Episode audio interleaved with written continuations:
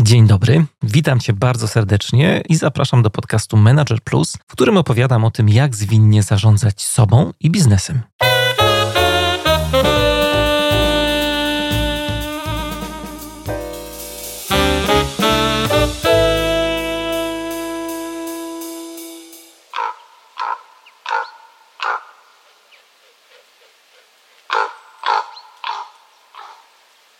W dawnych czasach, tuż po zachodzie słońca, ludzie siadali sobie przy ognisku i wpatrywali się w ogień. I to siedzenie przy ogniu dawało im takie wytchnienie. To był spokojny oddech po całym dniu pracy. Ogień dawał im bezpieczeństwo, dawał siłę, ładował życiowe akumulatory, ale też skłaniał do e, takiej refleksji po całym dniu, skłaniał do medytacji. E, to siedzenie przy ognisku było dla ludzi wręcz koniecznością. Każdego dnia to było takie domknięcie. To był jedyny moment, kiedy można się było faktycznie zatrzymać. No, dzisiaj ognisko nie ma już takiego znaczenia dla nas ludzi jak miliony lat temu. Raczej to jest coś, co tworzy klimat przy różnego rodzaju imprezach gdzieś na działce albo jak jedziemy pod namiot na kempingach. E, dzisiaj, kiedy na zewnątrz robi się ciemno, to my po prostu zapalamy sobie światło i znowu jest jasno.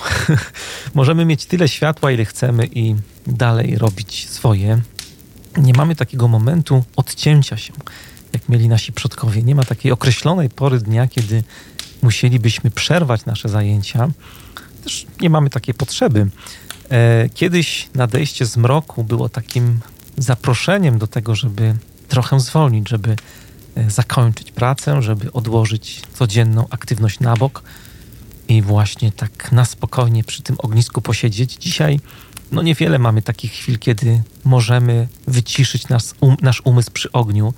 W zasadzie do końca dnia coś robimy, oglądamy seriale, udzielamy się na kanałach społecznościowych, komentujemy, dajemy lajki, yy, wkładamy do naszej głowy różnego rodzaju obrazy, dźwięki. Często są to historie, yy, które pochodzą od innych ludzi. Yy, żyjemy ich życiem, przygodami, często różnego rodzaju banałami, czytamy newsy, którymi się później nakręcamy i tak w zasadzie do momentu, aż mm, kładziemy się spać. E, w dzisiejszym odcinku będziemy rozmawiali o uważności, o tym, że warto w sobie rozwijać takie nawyki, które będą nam przypominały to wieczorne siedzenie przy ognisku właśnie, które przywrócą nas z powrotem do tej naszej podstawowej, wewnętrznej tęsknoty za ciepłem, za takim bezruchem, no i głębokim spokojem. Bardzo Cię zapraszam do uważnego wysłuchania tego odcinka.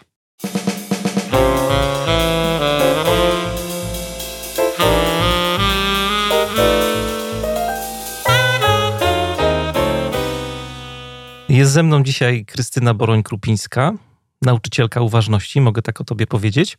Oczywiście. Dzień dobry. Dzień dobry, cześć. E, powiedz może więcej trochę o sobie, bo czytałem i jest tego tyle, że pomyślałem sobie, że będę leniwcem i oddam głos gościowi. Hmm. No cóż, y, spotykamy się, by rozmawiać o uważności. Mhm. Zatem, y, jeżeli o uważności, to i Mindfulness Association Polska, bo to jest ten obszar i zespół, y, z którym współpracuję. Mm, współpracuję w ramach prowadzenia kursów, szkolenia nauczycieli, bycia też superwizorem dla tychże nauczycieli. To jest największy obszar obecnie w moim życiu. Równocześnie jestem wykładowcą akademickim, który mm, uważność e, stara się sprawdzać na różne sposoby mhm. w różnych kontekstach. Mam poczucie, że to Uczy... się uzupełnia. Uczysz studentów takich młodszych czy starszych? Y, takich y, młodszych i starszych y, na różnych kierunkach i bardzo się cieszę, że było to możliwe, żeby wprowadzać uważność mhm. w programach takich akademickich. A ja słyszałem z tej twojej wypowiedzi, wyłapałem, że, że jesteś też superwizorką. To tak, to jest taki głębszy stopień wtajemniczenia mm, nauczycielki uważności. To jest, gdy prowadzi się szkolenia na ścieżce nauczycielskiej, to później, by ten rodzaj pracy z człowiekiem mógł być w wymiarze kompetentnym, wprowadza się właśnie superwizję. I to są takie spotkania z nauczycielami uważności czy nauczycielami współczucia, którzy to mm, opowiadają o tym, jak przebiegają te ich kursy, jak się czują, jakie mają refleksje. Czasem jest to rozwiewanie wątpliwości związanych z programem czy z tym, co się zadziewa w grupach uczestników. Także jest to taki moment i możliwość sprawdzenia też własnej uważności czy własnego poziomu współczucia. Mhm.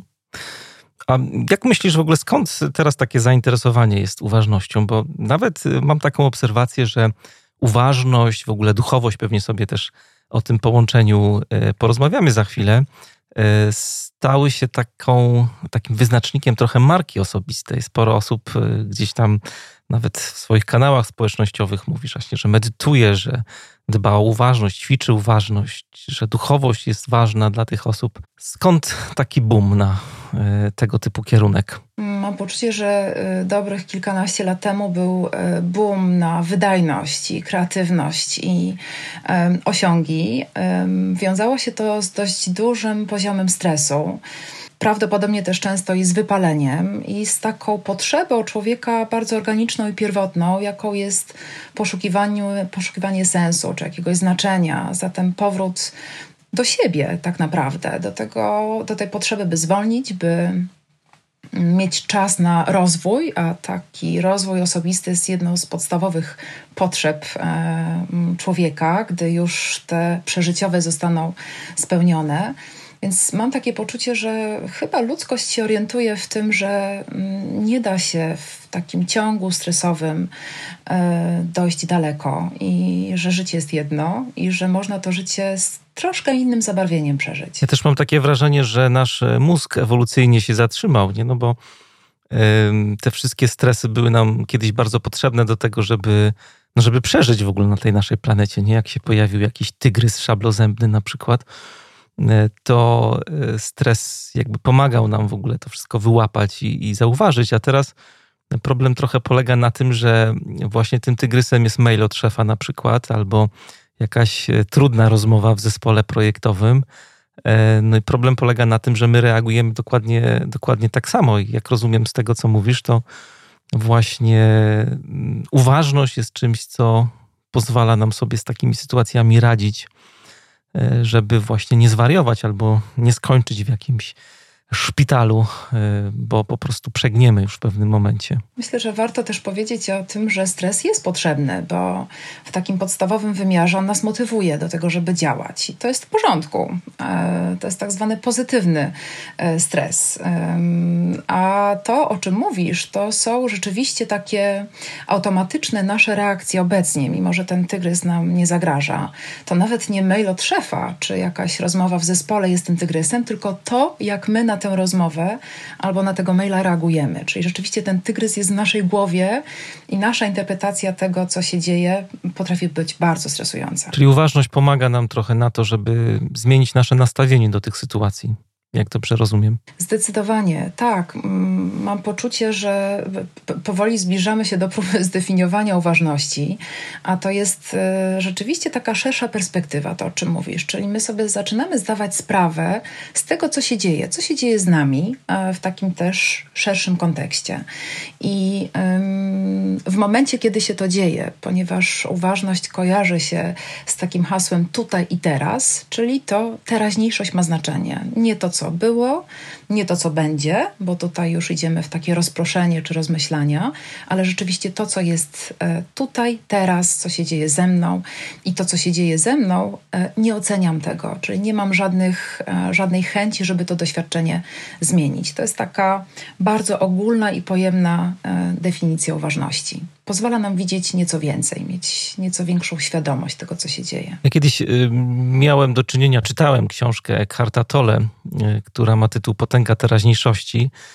Y, zresztą sporo osób do niej nawiązuje w różnych takich wypowiedziach internetowych, jak obserwuję trochę właśnie społeczność online i zatrzymałem się na czymś takim, tak trochę nawiązuje do tego, co mówisz, że no właśnie ta książka jest o teraźniejszości i tak sobie pomyślałem, że no w sumie to jest takie proste, nie? Powiedzieć ludziom, że mm, powinniście zamieszkać w teraźniejszości, że przeszłości nie ma, nie istnieje, przyszłości już nie ma, przeszłości już nie ma. E, no właśnie, tylko jak, jak to zrobić? Bo e, tak sobie myślę, że to, to mieszkanie w teraźniejszości wymaga jednak takiego mm, no, przemeblowania naszej głowy, naszego umysłu, zmiany w ogóle tego umysłu. E, I to to zabiera lata pracy, żeby coś takiego właśnie w sobie wykrzesać. To nie jest takie hop nie? że będę teraz mieszkał w teraźniejszości. Byłoby wspaniale, gdyby to nastąpiło tak hop I tutaj też dotykamy oczekiwań, które często są wysokie, że to jest coś, co rozwiąże nasze um, jakieś troski czy, czy problemy a mm, potrzeba wrócić do tego, jak jesteśmy skonstruowani i ten rodzaj rozproszeń, których doświadczamy, czyli właśnie tego, że my wybiegamy w przyszłość, snując różne scenariusze, albo wracamy do tego, co było, próbując przeanalizować i mm, wyciągnąć wnioski, e, choć często kończy się na takim wspominaniu jedynie i odpływaniu myślami od bycia tutaj teraz. Więc jesteśmy trochę w takim rozkroku i yy, jesteśmy do tego po prostu uwarunkowani biologicznie. Mówiliśmy sobie o stresie tutaj, więc to są mechanizmy, które uruchamiają się w nas automatycznie i one mają mm, taki wymiar przeżyciowy.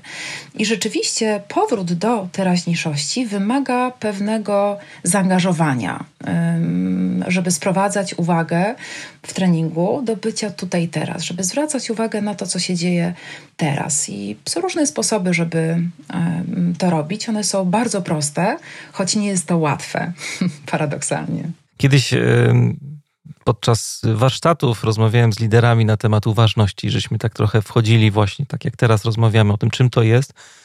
E, jeden z nich, e, właśnie Kuba, pozdrawiam go serdecznie, bo jest słuchaczem wiernym Menadżera Plus, powiedział, że uważność mu przypomina takie doświadczenia e, z dzieciństwa, kiedy jako mały chłopak leżał sobie na łóżku u babci na takim dużym kocu pomarańczowym, bodajże z tego co pamiętam, i jeździł paluchem po tym kocu i się w ogóle nie zastanawiał, co się dzieje poza nim, tylko widział te małe takie właśnie cząsteczki tego koca, które były e, przed nim. Ja w ogóle poczułem od razu to jego doświadczenie, bo miałem dokładnie tak samo. Jak byliśmy dziećmi, to często mieliśmy takie momenty, że jakby cały świat nie istniał i byliśmy bardzo mocno osadzeni w doświadczeniu chwili obecnej. To jeżdżenie paluchem po, po kocyku, e, czy, czy nie wiem, po ścianie, albo malowanie kredą po chodniku. Myśmy się zatracali tak właśnie w tej chwili, która, która była, która była tu i teraz. No dzisiaj jest trochę inaczej, jak jesteśmy dorośli. Ja tak mówię trochę przez pryzmat swoich doświadczeń i, i czasami łapię się na tym, że przejechałem na przykład y, jakiś odcinek w Krakowie autem i y, w ogóle nie pamiętam, co się działo po drodze. Wiele osób ma takie doświadczenia nie? i często jeszcze gdzieś tam y, teraz grzebiemy w mailach, na światłach stojąc, czytamy, nadrabiamy różne artykuły po drodze w telefonach i właśnie jesteśmy wszędzie, ale nie tu, gdzie, gdzie jesteśmy. Nie?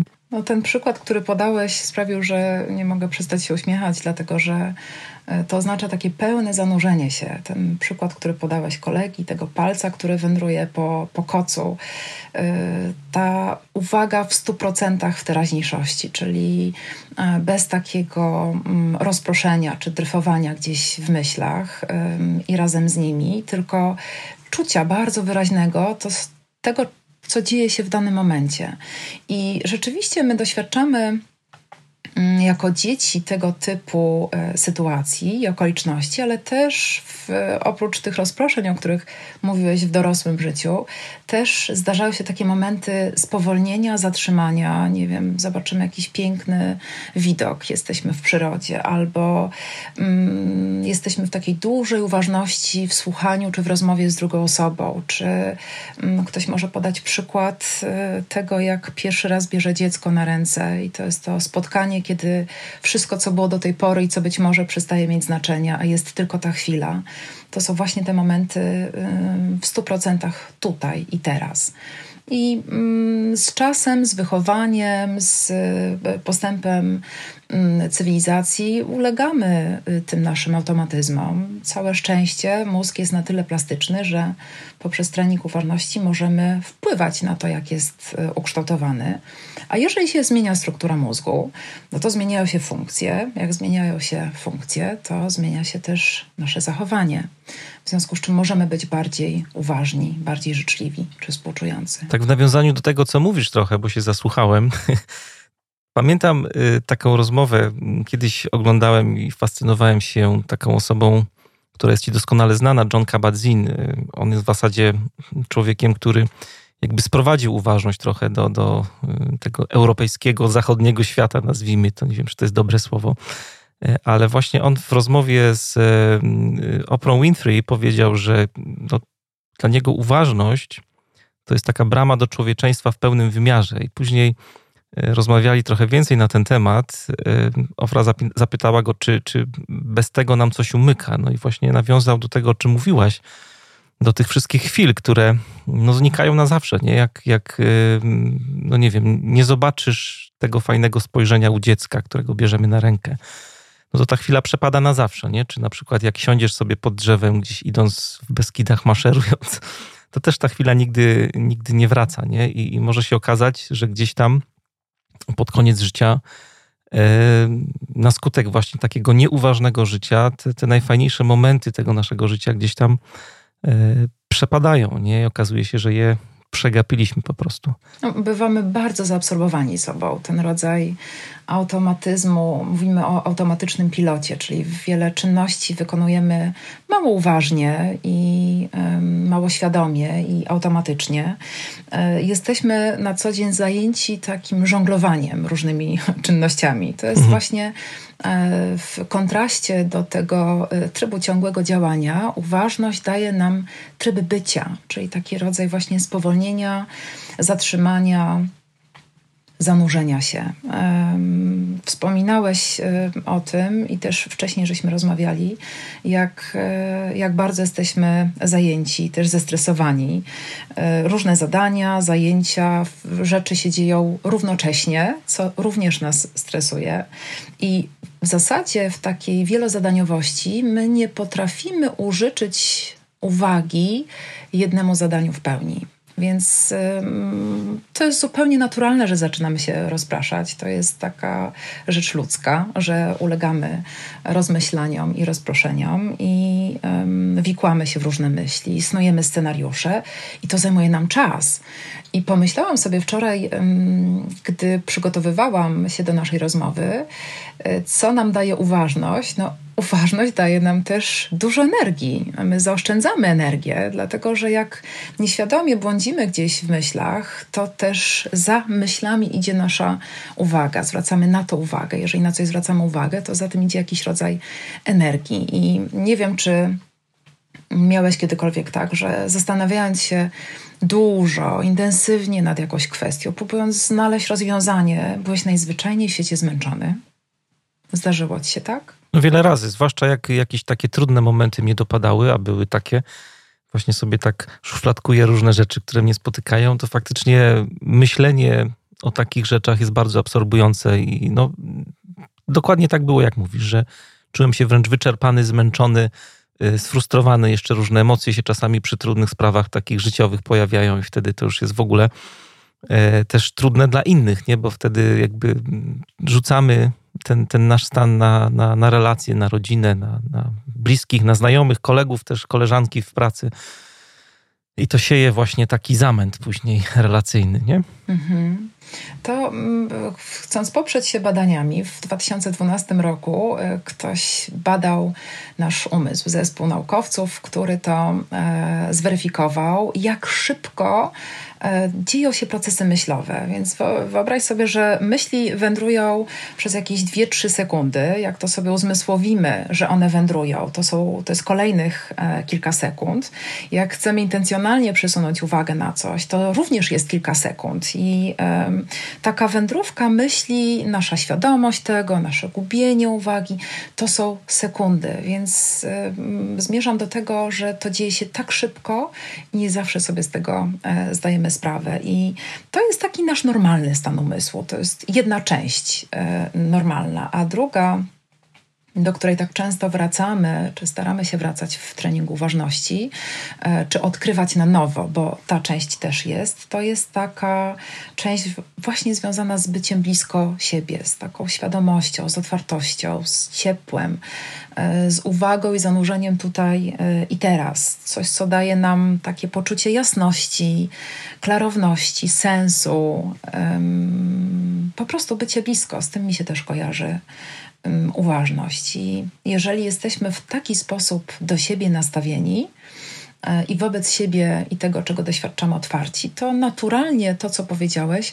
e, udziela się też to innym. A znowu, gdy jesteśmy zestresowani i um, podminowani, to także staje się udziałem naszego otoczenia. Tylko to, co jest trudne, i to też, też są moje takie doświadczenia yy, rozmów o uważności, nie wszyscy, ale sporo osób ma y, taki problem, żeby o tym mówić, o tym całym procesie, nie? Bo tak jak mówisz, że też sobie to plastycznie bardzo wyobraziłem, jak te wszystkie myśli nam w głowie płyną, e, jak jakieś liście gdzieś na strumieniu, nie? To trudność polega na tym, żeby jakby nauczyć się tego, żeby wyjść z tego strumienia i usiąść na, usiąść na brzegu i po prostu obserwować to, co się dzieje w naszej głowie. Kiedyś słyszałem taką bardzo fajną metaforę, która została ze mną e, do dzisiaj, że nasz umysł przypomina wodę nie? i w tej wodzie mogą być bardzo różne rzeczy. Tam mogą być jakieś e, środki, jakieś trucizny, jakieś brudy, jakieś też lekarstwa, które nam mogą pomóc, ale e, ta woda sama w sobie ona jest czysta. Nie? Czy możemy też myśleć o lustrze na przykład, nie? które też odbija wiele rzeczy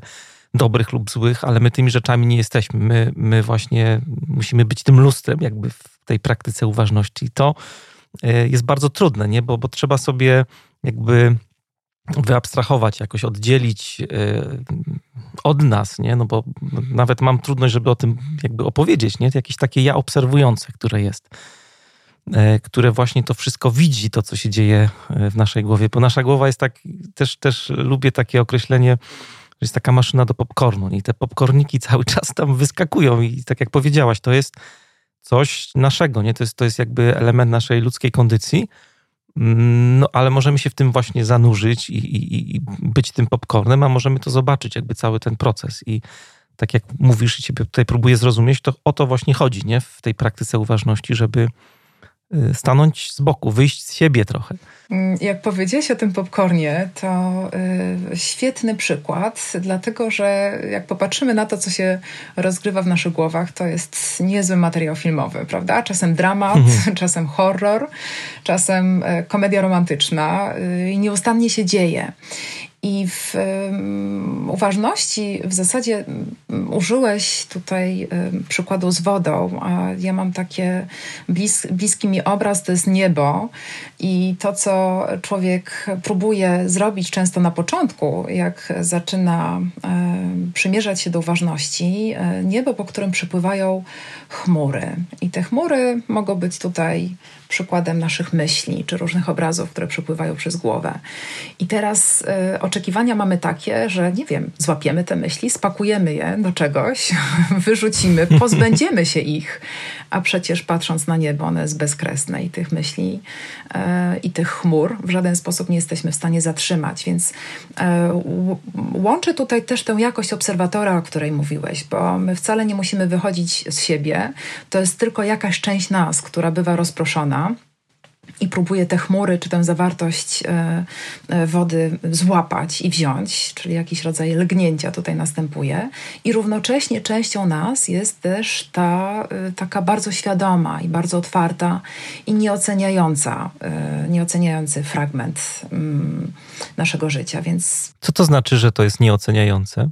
Znaczy, że my to mamy widzieć w sposób taki neutralnie mamy tego jakoś wartościować, tego co na tym niebie jest? Czy ta chmura jest czarna albo bardziej jakaś różowa?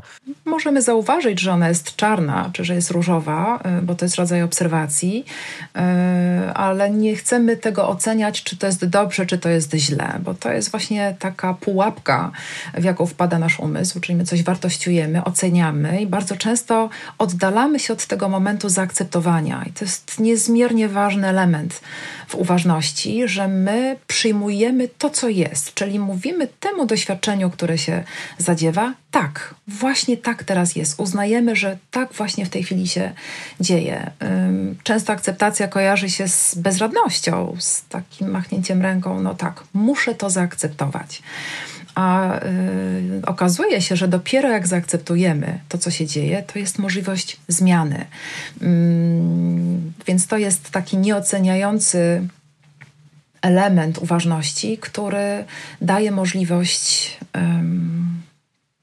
bycia bardziej świadomym, nie wypierania pewnych rzeczy, nie lgnięcia do tego, co jest przyjemne, nie odsuwania tego, co jest nieprzyjemne, choć taką skłonność mamy, bo tutaj w grę wchodzi nasze ego, więc poszukujemy y, i preferujemy to, co jest dobre, przyjemne, łatwe i miłe, a dlatego tak często nie chcemy godzić się i nie akceptujemy tego, co w naszym życiu y, zdarza się trudnego czy co bywa wyzwaniem. Już tak słyszę różnych y, tutaj liderów, którzy nas słuchają, że to przecież ta akceptacja to tak trąci taką biernością, a ja nie potrafię nic nie robić bo w projektach ciągle biegamy i czasami nie mamy czasu taczek załadować, bo różne cele i kierunki, które mamy zrealizować, a tutaj mamy akceptować takie nic nie robienie trochę.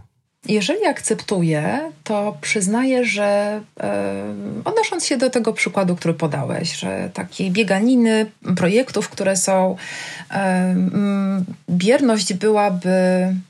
Mm, poobserwowaniem tego i e, chęcią zmiany, bo nie odpowiada mi na przykład ta bieganina albo ten rodzaj projektu czy wykonania tego projektu. Ale w danym momencie, kiedy chcę to zaakceptować, to widzę, ok, ten projekt albo ta bieganina jest chwilowa, albo są tu pewne braki i dopiero uznanie tych braków czy tego, co w jakiś sposób mi się nie podoba, ale robię na to miejsce. W tym całym szerokim obrazie to jest jeden z wielu puzli w tej układance. Widzę to i dopiero z tego poziomu mogę iść dalej, mogę podjąć kroki, e, żeby ewentualnie poprzestawiać te puzzle i żeby lepiej do siebie pasowały. Bardzo mi się, mm, gdy mówimy o akceptacji, pojawia e, znów woda. Ty używałeś wcześniej tego przykładu. Jeżeli budujemy tamę, na strumieniu, to ta woda zaczyna wzbierać, e, zaczyna się robić taka mętna, dużo się w niej dzieje. To jest ten moment, kiedy e, w życiu zdarzają nam się różne sytuacje, które uznajemy za trudne i nie godzimy się, w związku z czym napięcie w nas rośnie. E, I jeżeli tego nie akceptujemy, no to opór rośnie i w którymś momencie ta woda zaczyna się rozlewać na boki i my na przykład dajemy upust naszym emocjom w, w sposób, który jest szkodliwy, czy przykry dla innych, czy dla nas samych. A mówię o tym, e, bo wiąże się to bezpośrednio właśnie z akceptacją i to jest okej. Teraz jest tak, teraz jest trudno, albo teraz jest, um, nie wiem, nudno, albo teraz jest ciekawie. Tak właśnie jest w tej chwili. I z tego poziomu, tak jak powiedziałam, możemy pójść dalej.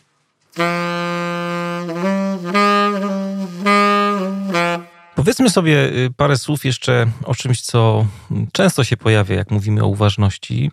Właśnie, czy to jest, y, czy mindfulness jest nauką, czy to jest jakaś sztuka, czy to jest duchowa ścieżka? Bo dużo się mówi o tym, że uważność ma korzenie w buddyzmie. Jak, jak, to, jak to wygląda teraz? Jaką y, ty uważność uczysz? Jakiej uważności uczysz? Mm, bardzo, bardzo się cieszę, że powiedziałeś o korzeniach um, uważności. Um, to, czym zajmuję się teraz, to jest uważność w takim wydaniu zupełnie świeckim, więc um, chciałabym tutaj odczarować nieco być może wyobrażenia, które są na temat uważności. E, również mówiąc o tym, że cały ten nurt e, uważności bardzo dynamicznie rozwija się także w tym aspekcie naukowym, czyli to jest coś, co jest weryfikowane ponieważ wiele różnych ciekawych narzędzi powstało i są tysiące badań i setki publikacji, które sprawdzają możliwości zastosowania uważności w różnych aspektach edukacyjnych, zdrowotnych i tutaj zarówno profilaktycznych, jak i terapeutycznych. I y, powoływałeś się dzisiaj w rozmowie na Johna Kabat-Zina. On rzeczywiście y, jako pierwszy taką świecką odsłonę uważności zaproponował y, zresztą pacjentom w klinice redukcji stresu, y, ponieważ wiele lat praktykował medytację, wiedział jakie są jej efekty, jaki ma ona wpływ na jego życie i bardzo chciał y, udostępnić też te dobrodziejstwa innym. W związku z czym w tejże klinice zaproponował ośmiotygodniowy kurs redukcji stresu.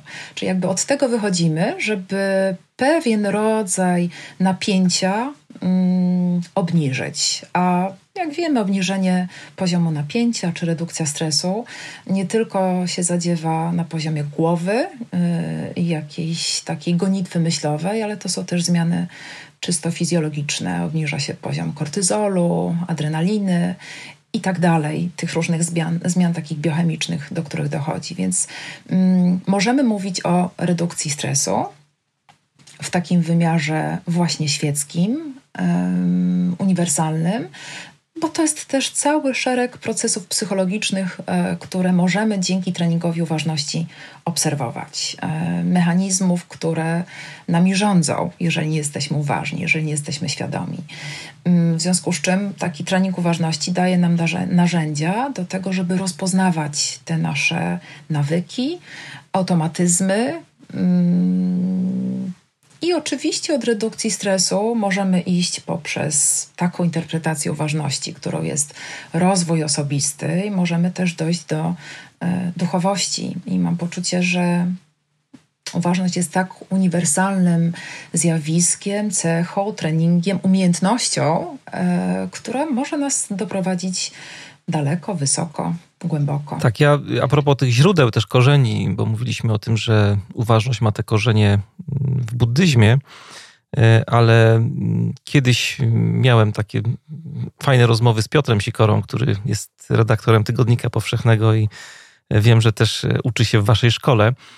E, rozmawialiśmy o korzeniach też chrześcijańskich, bo, bo sporo osób jakby, no tego nie widać, o tym się nie mówi, nie? Ale patrzyliśmy sobie na pisma ojców pustyni, które w chrześcijaństwie są bardzo takie ważne. To, jest, y, to są początki jakby w zasadzie chrześcijaństwa, jakby nie było. I y, trafiłem na takie teksty Hezychiusza z Synaju. On jest y, świętym Hezychiuszem z Synaju i tam jest bardzo tak obrazowo pokazany właśnie proces, tak mi się wydaje, bo mówię, nie, nie jest to tak wprost nazywane tym językiem takim, e, nazwijmy to buddyjskim, ale on mówi o dwóch rzeczach, o trzeźwości i o uważności. I trzeźwość to jest taki, taki e, stan, który polega na trwałym skupieniu myśli oraz ustawieniu ich w bramie serca. On dokładnie takiego określenia użył, ja sobie to zapisałem, bo bardzo, bardzo to jest obrazowe, czyli to jest trzeźwość, to jest jakby taki warunek do tego, żebyśmy obserwowali te myśli, które są złodziejami. On też używa tego takiego plastycznego określenia, że w naszej głowie pojawiają się myśli, które są złodziejami i mogą nam różne rzeczy robić z naszą głową, a uważność to jest to, że my potrafimy właśnie to serce od każdej myśli wyciszyć. No to dla mnie to jest jakby pokazanie tego procesu, który e, tak naprawdę dzieje się w uważności, jak zaczynamy ją e, praktykować. O tym trochę żeśmy też mówili. Także tutaj płynąc już do brzegu, myślę, że nie jest tak, że jakby uważność jest tylko jakby wschodnia, nie? Dużo o uważności też mówiliśmy. Oczywiście historycznie, patrząc na kalendarz, na, na, na czas, to buddyzm był dużo, dużo wcześniej, ale niemniej jednak też w tej naszej zachodniej historii, nazwijmy to, e, też takie elementy się pojawiały, chociaż one były bardzo mocno odnoszone do, e, do duchowości, duchowości właśnie, bo też na przykład Ewagriusz z Pontu, jego słynny traktat o modlitwie, to taki flagowy ojciec pustyni. On właśnie mówił, że modlitwa to jest taki e, stan właściwy, beznamiętny. Nie? To jest, użył też takiego określenia w sensie jakby wolny od, od myśli. No to taki, e, taka mała dygresja z mojej strony a propos duchowości i korzeni. Cieszę się, że przytoczyłeś te słowa, w których jest mowa o sercu, dlatego że uważność, jeżeli popatrzymy i też odczarujemy przy okazji słowo medytacja, e, bo medytacja oznacza pracę z umysłem i to w jakimkolwiek wydaniu czy podejściu e, filozoficznym e, czy religijnym, to jest właśnie praca z umysłem, to wracając do tego, symbolu serca, czy do tego obrazu serca, jeżeli mhm. zaczynamy trenować uważność i zaczynamy widzieć więcej, pełniej, szerzej, jak bardzo myśli mają wpływ na nasze życie, bo od myśli bardzo blisko jest przecież do emocji, od emocji do zachowania, to rzuca pewne światło, prawda, na ten nasz świat wewnętrzny. I teraz, gdybyśmy tylko przy tym pozostali, no to możemy zobaczyć różne rzeczy, które nam się nie podobają, na które być może nie będziemy mieli zgody, które będziemy oceniać i których nie będziemy chcieli zaakceptować. I tutaj taka bardzo ważna jakość się pojawia. My w naszym podejściu używamy metafory e, skrzydeł ptaka, żeby ptak mógł e, wzlecieć wysoko i lecieć daleko, potrzebuje dwóch skrzydeł. Jedno skrzydło to jest właśnie uważność, a drugim skrzydłem jest życzliwość i współczucie. W związku z czym, gdy już poznajemy ten nasz świat wewnętrzny, wiemy, co nami rządzi, no to można by dość łatwo popaść w jakiś rodzaj krytycyzmu czy takiego mm, brnięcia w ocenianie. A to drugie skrzydło, właśnie życzliwości i współczucia, daje nam e, takie ciepłe zabarwienie, czyli my to, czego dowiadujemy się o sobie, możemy dzięki ciepłemu, otwartemu, e, takiemu życzliwemu spojrzeniu po prostu przyjąć i zrobić na to miejsce w doświadczeniu. Więc ta jakość, którą która determinuje nasze nastawienie, też można ćwiczyć.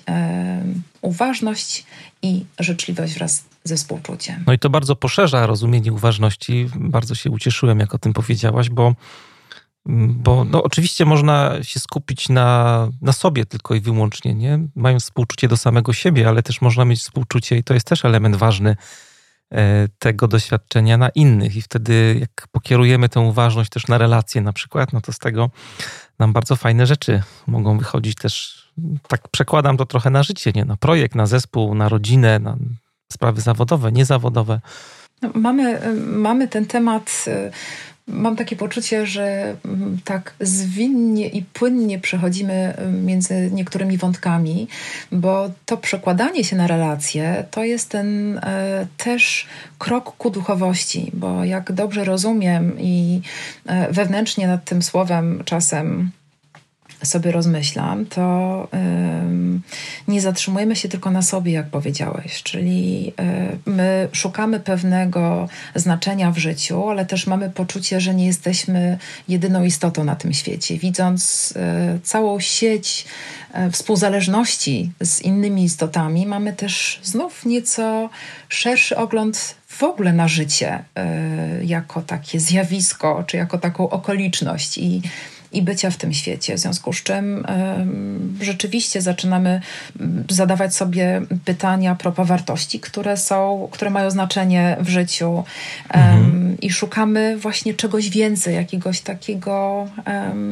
y, znaczenia poza samym sobą, właśnie w kontekście innych, a jak i inni, to i cały świat. Tak sobie zwizualizowałem to, o czym tutaj mówimy przez chwilę, że, że ta uważność może mieć Mm, jakby różne kolory, nie? To jest taki suwak trochę, który możemy przesuwać od takiej uważności, no właśnie mm, świeckiej, związanej z pracą, na przykład nad naszą energią, nad stresem, nad jakimś bólem, aż poprzez takie bardzo głębokie pójście w kierunku duchowości, nie to, co mówiłaś wcześniej, że, że można, e, no ta droga może różnie wyglądać u każdego z nas, w zależności od tego właśnie, e, co jest celem, co nas e, motywuje i jakie też potrzeby spełniamy, dlatego że jak już zapewnimy sobie te podstawowe, przetrwaniowe, to otwiera się w nas też taka potrzeba kontaktu z pięknem, z dobrem, z wykraczaniem właśnie poza e, własne, e, własne podwórko, ale w takim sensie właśnie poznania i też altruizmu, e, takiej uniwersalnej miłości. To jest też tutaj fragment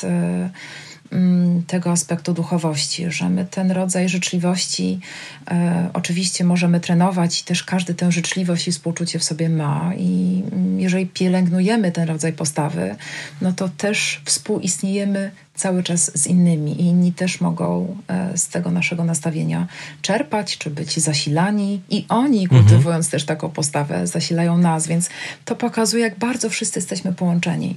No tutaj dotykamy też e, właśnie takiej rzeczy, myślę, ważnej przy uważności. Nie wiem, czy e, nad tym się jakoś tam też zastanawiałaś, bo miałem taką, taką myśl, że te motywy, te potrzeby dodałaś do tego jeszcze są ważne, nasze, bo może być taka uważność, która jest na przykład u sportowców, którzy świetnie, myślę, opanowali uważność, albo u muzyka, który ma, nie wiem, koncert Chopinowski, ma zagrać jakąś piękną etiudę e, na scenie, no to jest uważny, ale jakby jeżeli nie połączymy tych naszych motywów, potrzeb z jakimiś, nazwijmy to standardami etycznymi, to możemy być uważnymi osobami, ale na co dzień być potworami na przykład w rodzinie, nie?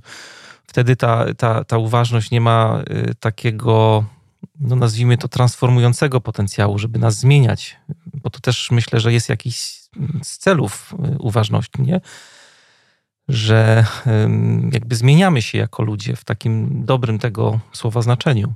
Tak, to jest taki um, efekt uboczny, pozytywny um, uważności. No, ważna jest ta motywacja, o której wspomniałeś, dlatego że jeżeli my przystępujemy do treningu uważności z um, zamiarem nie wiem, pozbycia się myśli albo stania się idealnym człowiekiem, no to to są to jest taka motywacja, e, która może nas zablokować e, i mm, nie do końca jest realna.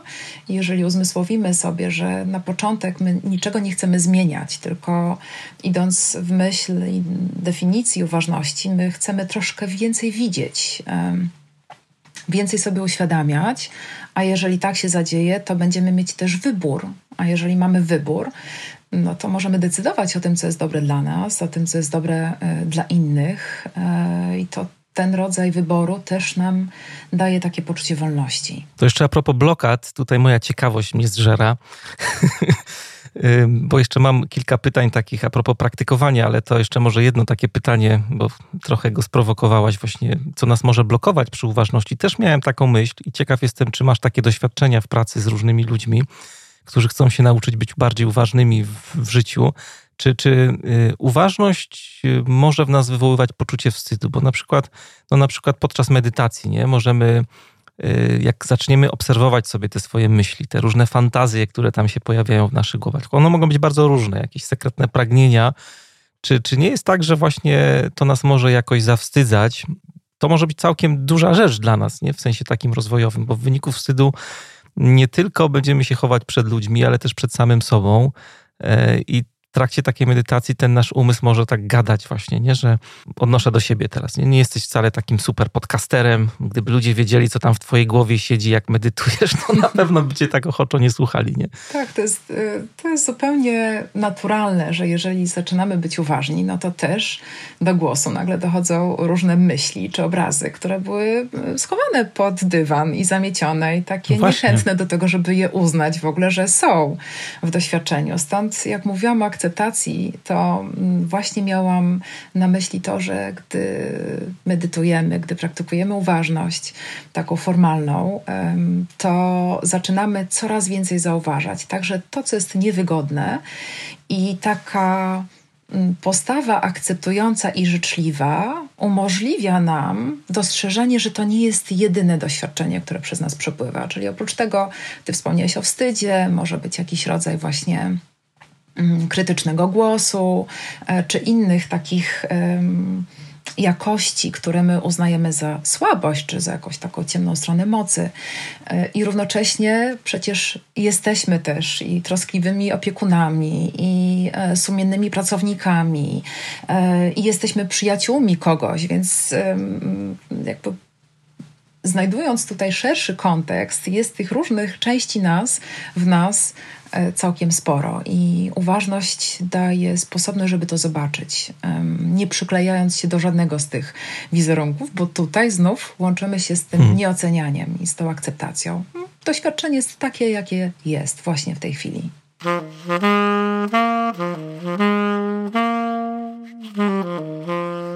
No dobrze, to zanim przejdziemy do tego, jak to robić, jak praktykować uważność, to mam jeszcze jedno takie pytanie, nazwijmy to przejściowe. Myślę, że też y, warto na chwilę się przy nim zatrzymać. Czy ty mogłabyś wymienić jakieś takie trzy mity, takie najbardziej częste, z którymi najczęściej się spotykasz a propos właśnie uważności? Jak ludzie e, tak y, w sposób wypaczony rozumieją uważność najczęściej? Tak, że uważność to jest niemyślenie. E, czyli mhm. jest taka, taka skłonność do wyobrażania sobie, że bycie uważnym pozbawia nas tego szumu wewnętrznego, tego radia, które nieustannie gra mhm. E, z różnymi melodiami i z różnymi informacjami. No, wiemy, że nasza konstrukcja jest taka, że te myśli były, są i będą. Pytanie tylko, co my z nimi zrobimy, bo najczęściej wskakujemy w nie i zaczynamy wieść te różne e, historie i oglądać filmy i bardzo to przeżywamy, bo przecież jak jesteśmy w kinie, to też zdarza nam się przeżywać to, co widzimy na ekranie. Więc warto od razu powiedzieć sobie, że praktyka uważności nie jest opróżnianiem naszej głowy z myśli, tylko mhm. zmianą nastawienia albo takiego szerszego spojrzenia, że te myśli właśnie przez nas przypływają, że one są. E, i będą. I e, nie musimy wskakiwać za każdym razem do tego pociągu czy do, tego, e, do tej historii, bo właśnie to jest ten moment uważności, że my możemy wybrać, czy idziemy za tą myślą i za tą historią, znów dryfując gdzieś w przyszłość albo w przeszłość i nie będąc tutaj teraz, albo wrócimy na przykład do oddechu czy do ciała, czyli do tego, co pozwala nam być uważnym, pozwala nam być w teraźniejszości. Więc to byłby jeden z mitów e, a propos tego, co oznacza bycie uważnym. Ja tak powiedziałem, że są trzy, ale może nie ma trzech, tylko dwa na przykład. Myślę, że tyle, ile głów, może być też i e, mitów. Ale ten, ten, o którym mówisz, faktycznie jest. Tak, z nim też się wiele razy spotkałem, jak gdzieś tam słyszałem różne rozmowy o uważności. Mm, myślę, że jeszcze takim e, mitem może być to, że e, to jest pozytywne myślenie. Ciekawe. tak. Jak popatrzy się na różnego rodzaju korzyści, gdy czytamy, rozmawiamy o tym, co nam uważność może dać, no to wygląda na to, że tutaj w większości są same dobre rzeczy. I zresztą y, jedna z praktyk, o której Ci wspominałam, y, wchłanianie dobra, jest zorientowana na nasze zasoby, na wzmacnianie naszych y, tutaj zasobów. I. Y, nie oznacza to, że my uznajemy, że wszystko jest w porządku, bo przecież wszyscy znamy takie chwile, w których czujemy, że absolutnie jakby się wszystko przeciwko nam e, tutaj sprzysięgło i, i bywa nam bardzo trudno. Więc to nie jest budowanie jakiejś postawy wewnętrznej, która zaprzecza doświadczeniom e, i jakieś snucie tutaj idealnych obrazów, bo to jest też e, coś, z, mm, co teraz właśnie mi się przypomniało, że mamy takie wyobrażenie, jak ktoś medytuje, no to jest po prostu Buddą w codzienności, prawda? Jest takim no, niewzruszonym no, i bardzo stabilnym i takim właśnie nieulegającym wpływom e, tego, co się dzieje um, osobą, a e, często jest tak, że im bardziej jesteśmy uważni, tym właśnie więcej widzimy w sobie różnych elementów i one nie zawsze są kolorowe, nie zawsze pasują do idealnego e, obrazu, który chcielibyśmy o sobie znuć. W związku z czym tutaj ten drugi z trzecim mitem jakoś połączyłam, czyli nie jest pozytywnym Sprytnie. myśleniem, tylko jest raczej właśnie nieoceniającą uwagą teraźniejszości. No a oczywiście w, według koncepcji e, wschodnich e, każdy, każdy z nas jest Buddą, czyli każdy z nas ma ten potencjał do tego, żeby rozwijać świadomość i żeby ten potencjał w życiu realizować. To odpowiedziałaś też przy okazji na jedno z moich pytań, czy, czy uważność jest dla wszystkich. Z tego, co mówisz, to każdy, każdy może praktykować uważność. Nie, nie ma jakiejś tam grupy, dla której, nie wiem, uważność jest zakazana, albo jakiegoś obszaru, w którym nie powinniśmy uważności w ogóle dotykać. mm, każdy z nas doświadcza uważności. O tym też e, rozmawialiśmy na początku rozmowy i tutaj ani wiek, ani e, wykształcenie czy płeć nie są żadnym e, ograniczeniem. Ponieważ pracujemy z materią taką bardzo organiczną, to warto wiedzieć o tym, że potrzebna jest tutaj taka wyjściowa stabilność. Czyli oczywiście każdy może zacząć w miejscu, w którym jest teraz, czyli nie są wymagane jakieś specjalne kryteria do spełnienia i nigdy nie jest za późno, by zacząć trening uważności. Są jednak szczególne sytuacje, które, czy okoliczności, które sprawiają, że być może trening uważności nie jest, e, podjęcie takiego treningu nie jest dobrym e, wyjściem. E, tak się dzieje na przykład, gdy przechodzimy bardzo trudny czas w życiu. Nie wiem, być może straciliśmy bliską osobę albo pracę, albo e, ktoś z naszych bliskich, albo my sami zaczynamy chorować. Bywają to momenty dla nas niezmiernie trudne, e, ten rodzaj cierpienia, którego doświadczamy, i czasem zanurzenie się w tym cierpieniu niekoniecznie będzie nam służyło. Więc um, oczywiście jest cały nurt y, terapii, która jest oparta na uważności. Ona ma bardzo konkretną tutaj strukturę y, i jest do zastosowania. Mówię o takich bardzo podstawowych y, praktykach uważności.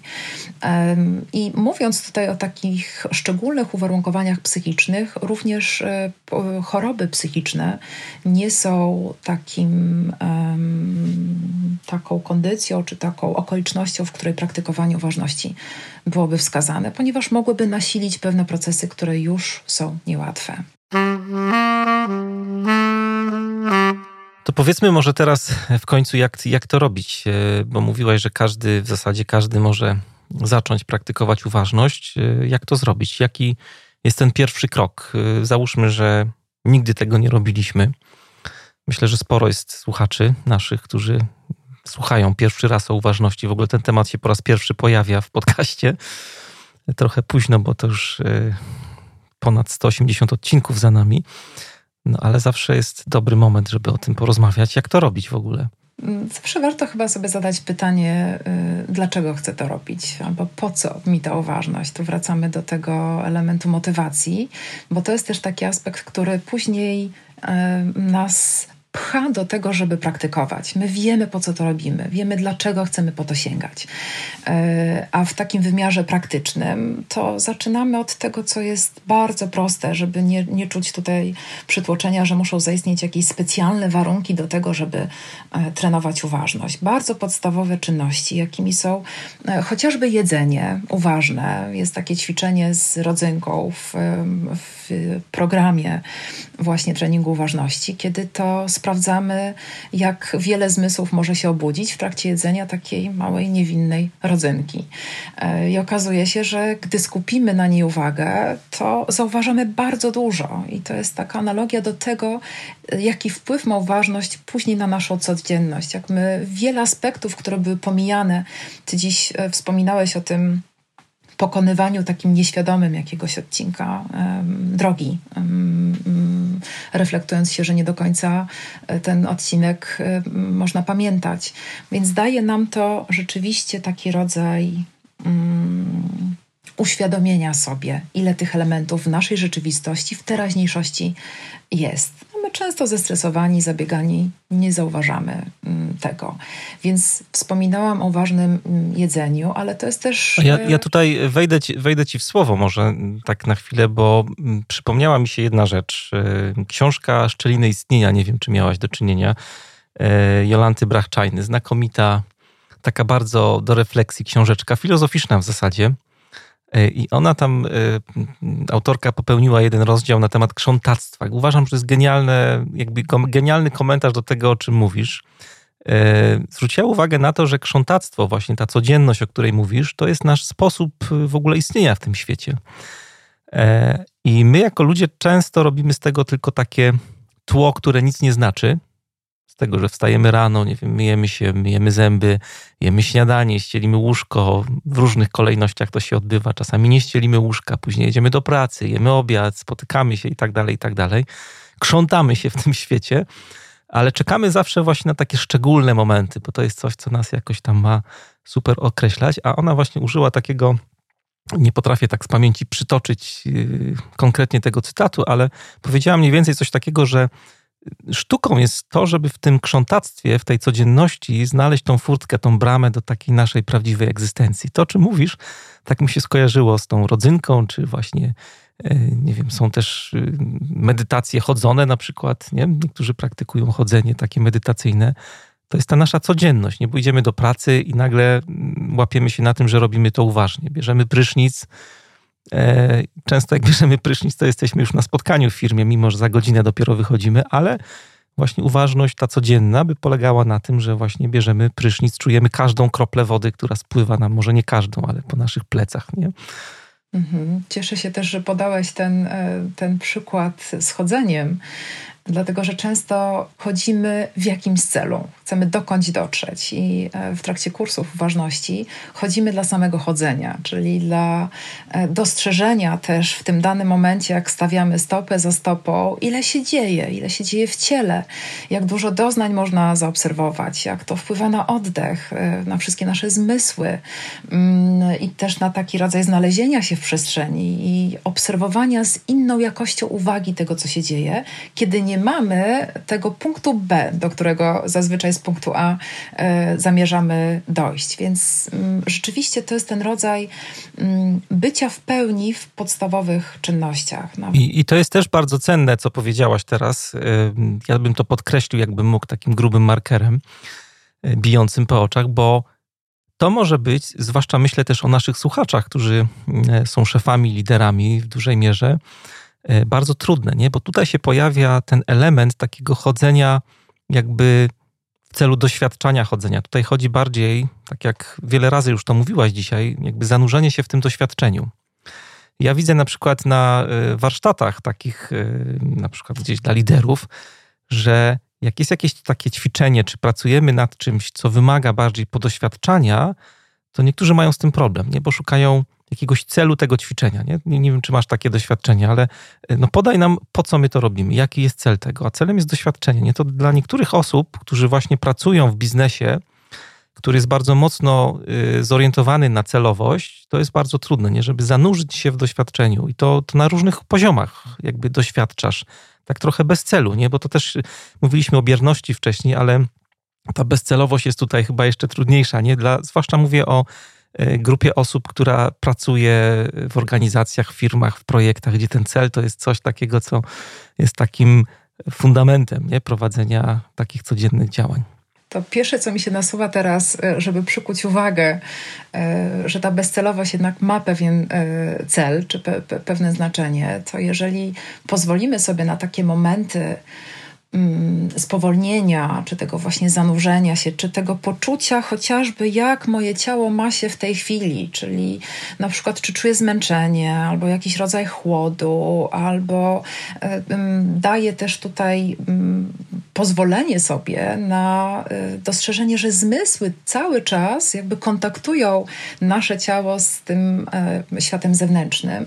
I jeżeli pozwolę sobie na tego typu chwilę uważności, to też opada ten rodzaj e, szumu czy takiego mętnego stanu umysłu, kiedy gonimy, kiedy cały czas coś się dzieje. Mhm. I ten moment jest tak naprawdę momentem, w którym widzimy więcej. Jeżeli widzimy więcej, rzeczywistość staje się dla nas klarowna. Z tego punktu możemy podejmować lepsze decyzje, możemy osiągać więcej. Więc tutaj uśmiecham się, jak mówię o tym osiąganiu więcej, bo mm, w uważności nie chodzi o to, żeby osiągać cokolwiek. I tutaj też moglibyśmy odczarować jeszcze jeden z mitów którym może być poszukiwanie jakichś e, takich wzniosłych stanów e, e, błogich. To w ogóle nie o to chodzi. E, to też chciałabym tutaj odczarować. Więc wracając do takiego bycia tutaj i teraz w przypadku liderów, którzy nastawieni są na y, wyniki i osiąganie, no to może być jeden z kroków, który tak naprawdę pozwoli nam wybrać lepiej i zdecydować y, się na, jakoś, na jakąś ścieżkę, która doprowadzi nas w to uprawnione miejsce. Czyli mówiliśmy e, tutaj o kilku takich rzeczach codziennych, nie? które można wykonywać, żeby praktykować uważność. Mm, mówiliśmy o takich czynnościach y, jak, nie wiem, jedzenie, jak y, branie, poran, poranna toaleta na przykład, tak, chodzenie. Y, ja pamiętam, kiedyś mi wpadła w ręce taka książeczka niewielka Thich mnicha wietnamskiego, niedawno zmarł zresztą. Cud uważności. To jest taka książeczka, gdzie jest, jakby się śmiałem, że to jest taka trochę książka kuchenna uważności, bo tam jest w zasadzie naście rozdziałów i każdy rozdziałik, bo to są bardzo krótkie formy, to jest jakaś praktyka taka codzienna, właśnie gdzie można ćwiczyć uważność, na przykład obierając, jedząc mandarynkę, nie? pomarańcze. To są takie bardzo rzeczy proste, które no, w ogóle wielu osobom, myślę, nie kojarzą się z uważnością, nie? bo spodziewamy się, że ta uważność to jest właśnie nie wiadomo co, tak jak powiedziałaś, że lewitujemy jak Buddha gdzieś tam centymetr nad ziemią. A Chciałem dopytać jeszcze o taką praktykę, o której nie możemy nie powiedzieć a propos uważności. Trochę o nią zahaczaliśmy, ale myślę, że mogłabyś coś jeszcze więcej powiedzieć na ten temat, bo jest e, dużo kontrowersji z nią związanych, mianowicie medytacja. Medytacja jako właśnie taka też praktyka e, tego, żeby być bardziej uważnym. Ta, e, te kontrowersje wynikają trochę z tego, myślę, że no medytacja w naszej kulturze czy, czy w naszym kraju też ma takie mocno, y, moc, mocne konotacje religijne. Nie? Czy w ogóle w, myślę, że w kulturze zachodniej medytacja kojarzy się jednak tak y, z myśleniem o czymś, jakby z medytowaniem o czymś. W chrześcijaństwie na przykład medytacja y, jakichś zdarzeń z Ewangelii, nie? opowieść o synu marnotrawnym. Nie można medytować, wczuwać się, wmyślać się jakby w całą tę sytuację. E, tak też e, w różnych właśnie szkołach religijnych się uczy medytowania i zawsze jest ten jakiś taki przedmiot medytacji. Myślę, że to jest jedna z rzeczy, która, e, która może być problematyczna. Ona może być e, problematyczna, gdy zaczniemy to analizować, a e, tak bardzo podstawowy e, środek czy sposób bycia uważnym to sięgnięcie po oddech. I tutaj nie ma nad czym się zastanawiać, bo oddech dzieje się sam.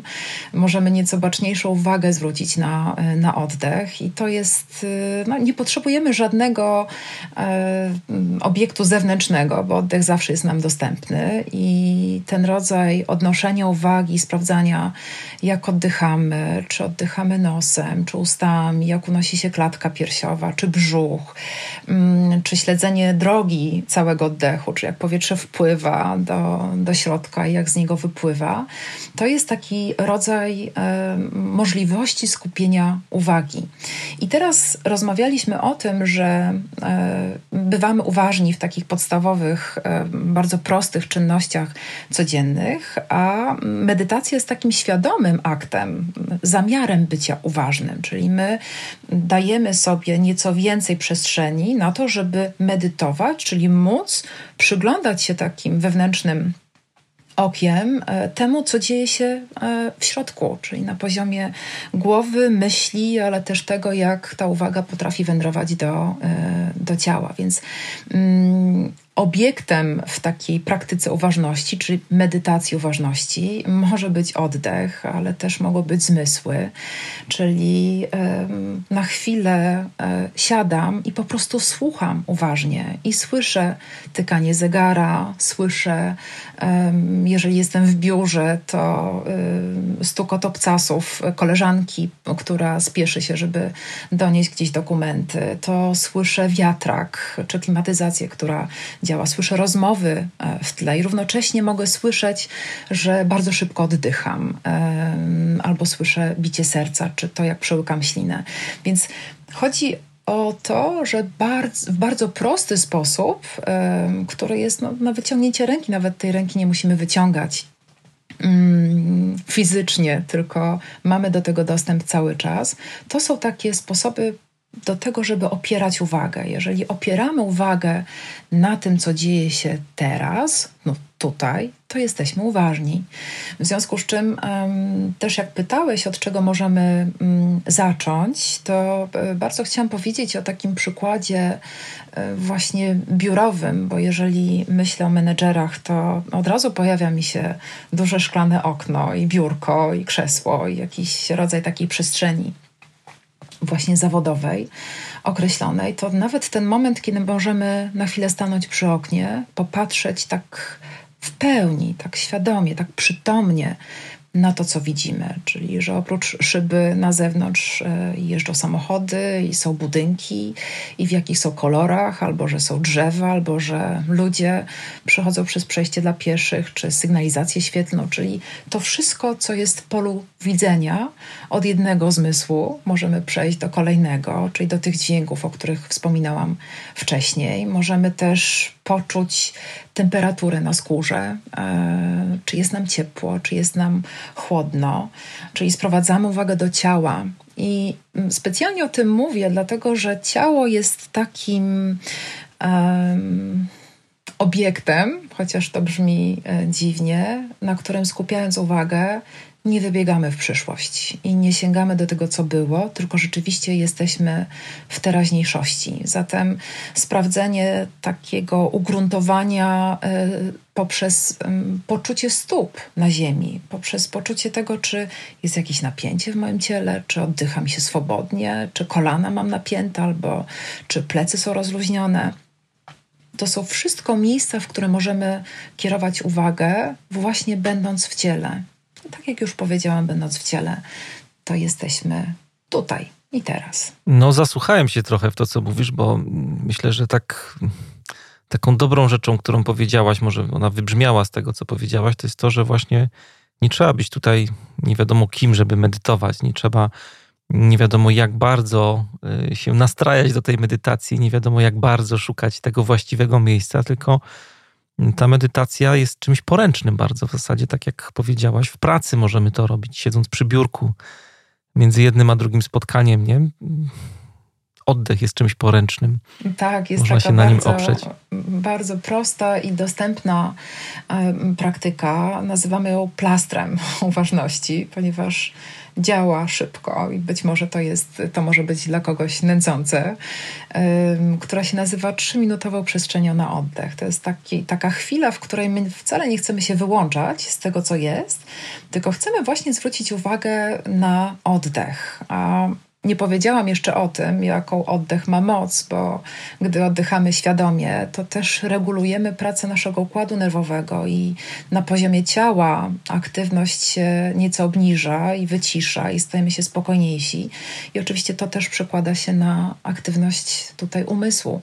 Więc przez trzy minuty, takie przysłowiowe, bo to też może być pięć minut, ale też półtorej minuty, chodzi o takie zorientowanie się, co się w ogóle w nas dzieje. E, I tutaj często przywoływany jest obraz klepsydry, czyli to jest taka, to rozszerzenie u góry jest taką szeroką uwagą na to, co dzieje się obecnie we mnie i później zawężamy naszą uwagę do oddechu, czyli wykonujemy kilka takich świadomych, pełnych cykli wdechu i wydechu z taką dużą przytomnością i uwagą na tym się koncentrując, i później znów rozszerzamy uwagę na to wszystko, co się dzieje. I um, jest tak, że wtedy ta uwaga um, dotyka coraz więcej elementów, czyli um, przytomniejemy, czyli zauważamy um, znów różne elementy naszego doświadczenia, i poprzez pracę z oddechem stajemy się spokojniejsi. Więc to znów nie jest żadna magiczna różdżka, tylko e, kwestia treningu i kwestia zaangażowania. Plasterki są, są fajne zawsze, bo teraz też żyjemy w takiej kulturze instant trochę, że chcemy wszystko szybko. Też terapie są krótkoterminowe, bardzo popularne. Ale jeszcze mam takie jedno pytanie a propos tej medytacji, bo tutaj powiedziałaś o takiej wersji mm, lightowej, można powiedzieć, taki pierwszy, podstawowy poziom, ale są też na pewno wśród nas słuchacze, którzy chcieliby to robić bardziej tak y, głęboko, chcieliby to pogłębić. E, są słuchacze, ja do nich też należę, którzy potrzebują trochę struktury i na przykład pojawiają się różne pytania w naszych głowach. Tutaj się trochę wcielam w buty właśnie, wchodzę w buty tych słuchaczy i siebie przy okazji. Właśnie na przykład y, jaką postawę powinniśmy przyjmować? Jakbyśmy chcieli tak bardziej poważnie y, zabrać się za medytację, ile razy w tygodniu powinniśmy medytować? Kiedy ta medytacja się powinna kończyć? Jak powinniśmy mm, przy tej medytacji siedzieć? Czy w ogóle siedzieć, czy leżeć? Czy to jest jakoś istotne? Czy powinniśmy gdzieś zmierzać w tej medytacji? No mnóstwo takich pytań, które one się, one się wszystkie kręcą wokół, wokół tego, co nazywamy strukturą. W jaki sposób to wszystko poukładać, żeby to było efektywne, żeby nam się udało właśnie dojść gdzieś, ale mówię, że nigdzie nie dochodzimy raczej, to od tego celu powinniśmy się odklejać.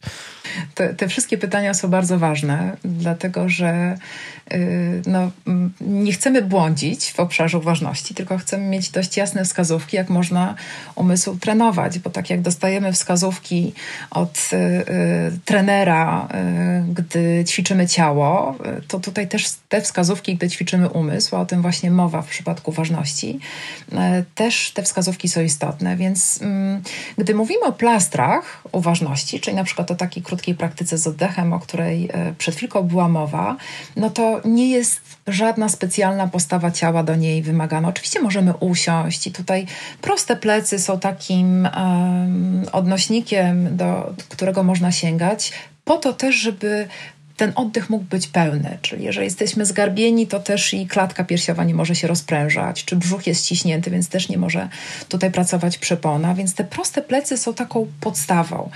I ym, w tych plastrach uważności, tak jak wspomniałam, nie ma to tak dużego znaczenia, chyba że sięgamy po tak zwaną praktykę formalną, czyli to są nieco dłuższe praktyki, dłuższe medytacje, które mają bardzo określoną strukturę i w niej zazwyczaj chodzi o e, przywołanie motywacji, czyli dlaczego chcemy to robić, ale też o ustanowienie postawy ciała, bo postawa i ciało w ogóle są takim naczyniem dla pracy z umysłem, czyli stabilność na poziomie ciała daje nam dobre podłoże do tego, jest takim fundamentem do pracy z umysłem. Jak będziemy zgarbieni, zwróć uwagę, że y, wtedy też inaczej myślimy, prawda? Jeżeli jesteśmy zgarbieni, tacy przytłoczeni, inny rodzaj, inna, inną jakość ma uwaga, jak jesteśmy wyprostowani zatem e, w te plecy i taka uwaga e, w ciele. Możemy siedzieć na krześle i mieć stopy oparte na podłożu. Możemy siedzieć na poduszce. Bywają e, praktyki, w których się leży, które bynajmniej ich intencją nie jest zaśnięcie, tylko większa świadomość ciała, ale też lepiej czujemy ciało, kiedy ono jest rozluźnione.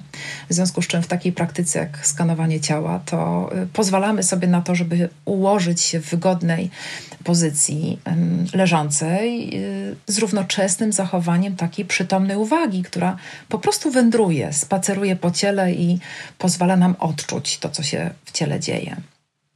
I też wspominałam o oddechu, wspominałam o dźwiękach, czyli o takich kotwicach, o takim w momencie, kiedy doświadczamy rozproszenia, to wybieramy rodzaj oparcia dla naszej uwagi, czyli gdzieś zaczniemy sobie wyobrażać kolejne spotkanie, jak jeszcze jesteśmy w trakcie e, trwającego e, spotkania, to możemy sięgnąć właśnie do oddechu, kilka przytomnych oddechów wykonać, żeby być znów na tym spotkaniu, znów w teraźniejszości, czy podźwięki. I to też jest istotne, bo w ramach jednej praktyki wybieramy jedno oparcie dla uwagi, czyli albo na przykład dźwięki, albo oddech.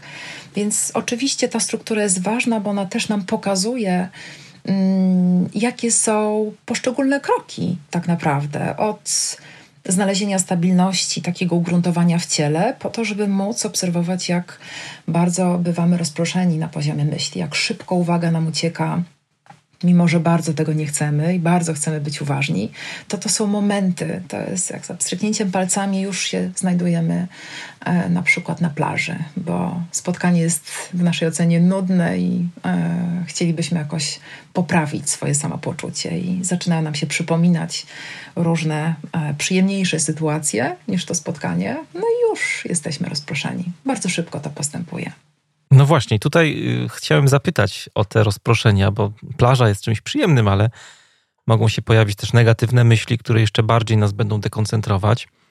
E, mamy wybrać sobie jakiś punkt oparcia, no tą, tą kotwicą jest oddech na przykład. No i co w sytuacji, kiedy te myśli się e, pojawiają? No bo sporo osób, e, też jak rozmawiam sobie na temat tych doświadczeń, to mówi, że o w zasadzie już na początku przestało. Ostatnio rozmawiałem właśnie z takim menedżerem, który mówi, no ja w zasadzie raz tylko spróbowałem, bo no nie mogłem się w ogóle skoncentrować. Miałem tyle myśli w głowie, e, nie wyobrażałem sobie w ogóle, że przez 10 minut mam siedzieć na, mm, właśnie na dywanie i, i, i nie myśleć, a te myśli mnie w ogóle strasznie rozpraszały. Czy, czy jest jakiś trik, jakiś sposób, jak z tym pracować? Właśnie wracając do oddechu chociażby, to jest... Yy ten moment, kiedy zauważamy, że myśli zaczynają nas gonić albo my je i moment uważności, w którym decydujemy, że okej, okay, ale ja w tej gonitwie nie za bardzo chcę uczestniczyć i mogę wybrać w tej chwili trzy albo cztery głębokie, świadome oddechy. I koncentruję się na fizycznym wymiarze tego oddechu, czyli nie, że wyobrażam sobie oddech, bo to są kolejne myśli, prawda? Obrazy, mhm.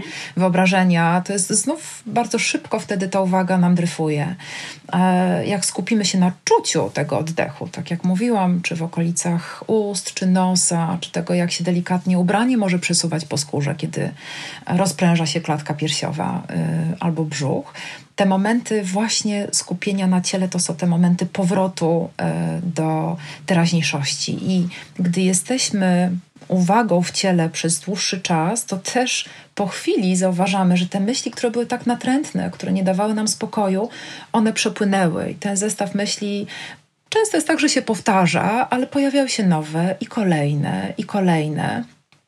I wracamy tutaj do tego obrazu nieba, że my nie chcemy tych myśli odpędzić, my nie chcemy ich zgarnąć, spakować i wyrzucić. My po prostu patrzymy, że one są, obserwujemy i puszczamy wolno, bo ilekroć zdarza się ten moment, że jakaś myśl nas zainteresuje, czy ona będzie um, uporczywą, przykrą e, myślą, czy też czymś przyjemnym, jedno i drugie bywa rozproszeniem i potrafimy dość daleko popłynąć w tych myślach i w tych historiach. Więc wtedy, gdy uzmysławiamy to sobie i wracamy uwagą do ciała, czyli do teraźniejszości, no to to jest ten moment, w którym możemy sobie pogratulować bycie uważnym. Mhm. A kiedy powinniśmy kończyć medytację? Czy jest jakiś taki timing? E, dobry, sprawdzony, który moglibyśmy polecić naszym słuchaczom, czy to jest rzecz jakoś tam indywidualna? Myślę sobie, że to wszystko zależy od y, y, etapu, w jakim jesteśmy i czy na przykład jesteśmy w trakcie e, uczestniczenia w regularnym kursie, w regularnych spotkaniach, bo zazwyczaj w takim ustrukturyzowanym treningu mamy podany czas, na przykład 5 minut albo 20 minut, albo nawet 45 minut. I to w miarę treningu, no, tak jak trenujemy ciało, mm, wspominałam o tym, my też pewne rzeczy wydłużamy czy intensyfikujemy. I tak samo jest e, tutaj. Te plastry codzienne, one są krótkie, a te formalne praktyki, no tak jak mówię, mogą trwać nawet i 45 minut. Myślę, że warto sobie dawkować, e, bo chodzi bardziej o to, żeby przez dwie minuty czy przez 5 minut być naprawdę uważnym, czyli wiedzieć, co się dzieje bez oceniania, niż przez 45 minut dryfować. Ja sobie tak myślę, że, że z tym kończeniem to też oczywiście od strony formalnej to ten czas jest potrzebny, ale tak na dobrą sprawę to chyba chodzi o to, żeby było tak jak ja mieszkam niedaleko Wawelu w Krakowie i czasami słyszę dzwon Zygmunta, i on jest bardzo charakterystyczny, taki bardzo głęboki też, ale jak on zaczyna dzwonić, to też y, bić, może nie dzwonić, tylko bić jest lepszym słowem, y, to on nie ma końca. Nie chcę być tutaj źle zrozumianym, no ale tak samo myślę z medytacją jest, że, że nie ma takiego punktu, że kończymy, wstajemy i koniec, tylko ona powinna jakby wchodzić, y, ta praktyka w nasze życie, tak jak ten, ten dźwięk dzwonu, nie? że on się tak przedłuża, przedłuża, gdzieś tam w końcu znika, ale nie wiemy kiedy to jest. To gdzieś w ciągu dnia może nastąpić albo w ciągu tygodnia. Jakby ten, to, co robiliśmy, to doświadczenie jakby siedzi w nas głęboko. Ono jest i jakby rozświetla naszą taką rzeczywistość codzienną. I to właśnie nie chodzi o to, żeby. Um albo nawet, e, nawet nie jest to możliwe, żeby być uważnym przez 24 godziny na dobę, ale my te wszystkie mhm. ćwiczenia i trening, w którym uczestniczymy i próby, które podejmujemy, właśnie mają służyć temu, żeby ta codzienność była bardziej uważna, żeby te 20 minut na poduszce, czy na krześle, czy w pozycji leżącej z przytomną uwagą pozwoliło nam następnym razem, gdy znajdziemy się w jakiejś stresującej dla nas sytuacji, przypomnieć sobie o oddechu, o takim poczuciu ciała, czy ugruntowaniu stóp na podłożu. Właśnie temu to ma służyć, bo chodzi nam o e, uważne życie. Powiedzmy może na koniec, bo tak zerkam na zegarek i już cię zagadałem, solidnie widzę. E, ale ciekawość mną strasznie tutaj kierowała, więc stąd tyle pytań. Ale jeszcze w kontekście praktykowania myślę, że to może być cenne dla naszych e, słuchaczy Żebyś powiedziała parę słów o tym, w jaki sposób mogą skorzystać z tego, co robicie w waszej szkole, bo wiem, że tam rozglądałem się trochę po waszej stronie. E, macie różne propozycje, ale są też takie propozycje bazowe, z których myślę, że mogą skorzystać tu i teraz e, osoby, które nas słuchają, właśnie, żeby wejść w praktykę uważności z mistrzem, z nauczycielem, nie? żeby nie robić tego w pojedynkę, bo pewne rzeczy można pewnie przyspieszyć. Mm, tak, dziękuję, że o tym mówisz, e, o takim sposobie praktykowania, dlatego że e, na rynku jest bardzo dużo różnych pozycji, które traktują o uważności. Można o nich poczytać, są dostępne nagrania, e, których można posłuchać i też sprawdzić, jak się praktykuje samemu. Bardzo duże znaczenie ma tutaj osoba, która mm, mm, towarzyszy tak naprawdę w treningu ważności, czyli e, opowiada o pewnych mechanizmach, e, modeluje praktyki i też dopytuje o doświadczenie, po to, żeby trochę nawigować po tym, co się dzieje e, w środku. I to jest właśnie taki rodzaj asystowania czy towarzyszenia w czasie, czy w tym procesie całym treningowym i tutaj też bardzo duże znaczenie ma grupa, dlatego też, że w grupie e, słuchając chociażby kogoś, kto wypowiada się o doświadczeniach związanych z praktyką czy z różnymi refleksjami, widzimy ten rodzaj wspólnego, dzielonego człowieczego doświadczenia i to nam pozwala też jakoś znaleźć się wobec tego, czego my doświadczamy. Możliwość wymiany, dzielenia się z, z innymi e, i też obecność innych, która jest szalenie motywująca. Większość uczestników mówi o tym, że no, samemu trudniej się po prostu zebrać do tego, żeby mm, systematycznie praktykować. Jak mamy grupę, to wiemy też, że o tej samej porze e, te głowy, e, te postacie też robią to samo co my i to jest szalenie wspierające. I to jest... Myślę, że to dzielenie dzielenie doświadczeniem się, tak jak e, ten chłopak, który mi opowiadał, że po, po jednej praktyce w zasadzie odstawił medytowanie, to tutaj bo miał takie i takie problemy, to tutaj o tych problemach możemy usłyszeć o innych, nie? I też taka grupa wsparcia się pojawia jak przez to przejść, iść dalej.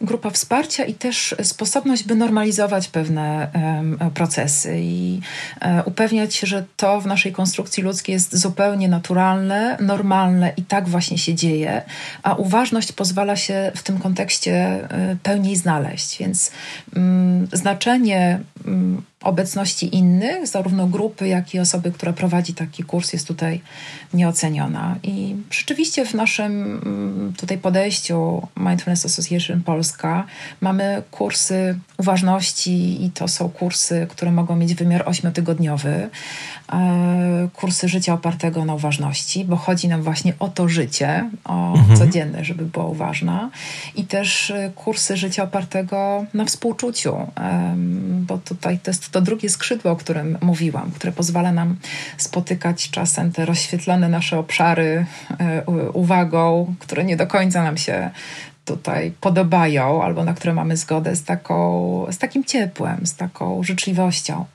Mm, są kursy nauczycielskie, które pozwalają e, zgłębić praktykę własną e, i później też móc uczyć innych. I też są y, kursy wglądu, które w całej tej ścieżce mm, mm, oswajania czy takiego zapoznawania się z uważnością pozwalają nam dostrzec takie głęboko gdzieś skrywane nawyki, których sobie często nie uświadamiamy, jak ogromne mają wpływ na nasze życie. I oczywiście potraktować je z, z taką troską i um, zaangażowaniem i z ciepłem. Mówiłeś, że wy jesteście takim towarzystwem Mindfulness Association Polska.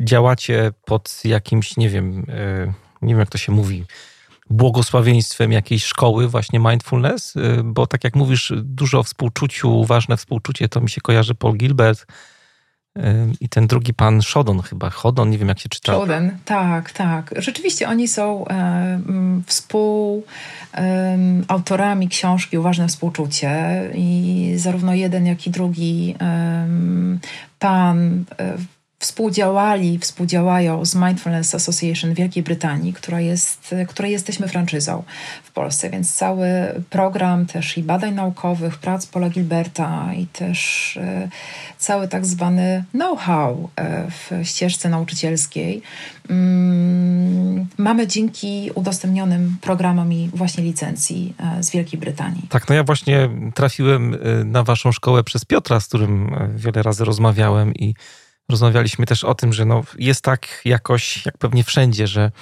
jak są takie tematy, to dużo jest hochsztaplerów i takich e, pseudoszkół, które no, uczą tej uważności, ale e, różnie to wygląda. No a u was to jest tak mocno też osadzone właśnie w badaniach naukowych. To, to, nie, jest, e, to nie jest tylko właśnie taka, taka uważność dla uważności, ale wszystko ma bardzo solidne podstawy i tak jak dzisiaj o tym opowiadasz, to widać, że tak jest. No i też urzekła mnie bardzo wasza strona internetowa. Nie wiem, czy wam ktoś to mówi, ale te takie mini filmiki z e, nauczycielami są super. Na stronie zachęcamy słuchaczy, żeby zerknąć, bo, bo ciężko jest to opisać, ale właśnie to taka właśnie uważność w filmiku każdego prowadzącego bardzo, bardzo przykuwa uwagę. I to jest ten oddech, który możemy wieść e, równocześnie, prawda? Który zapoczątkowany gdzieś po prostu płynie i, i wszystko, to, co nas łączy wszystkich, to jest to, że, że oddychamy i możemy to robić uważnie. No oczywiście dla patronów podcastu Manager Plus mamy dwie praktyki, które e, tutaj Krystyna przygotowała i e, umieścimy je na Discordzie, tak jak to zwykle bywa i dodatkowe jeszcze rzeczy, które rozszerzają ten dzisiejszy odcinek, więc wszystkich patronów serdecznie tam e, zapraszam. A Tobie bardzo, bardzo dziękuję za mm, uważną rozmowę. Bardzo Ci dziękuję za zaproszenie i za możliwość wymiany i dzielenia się.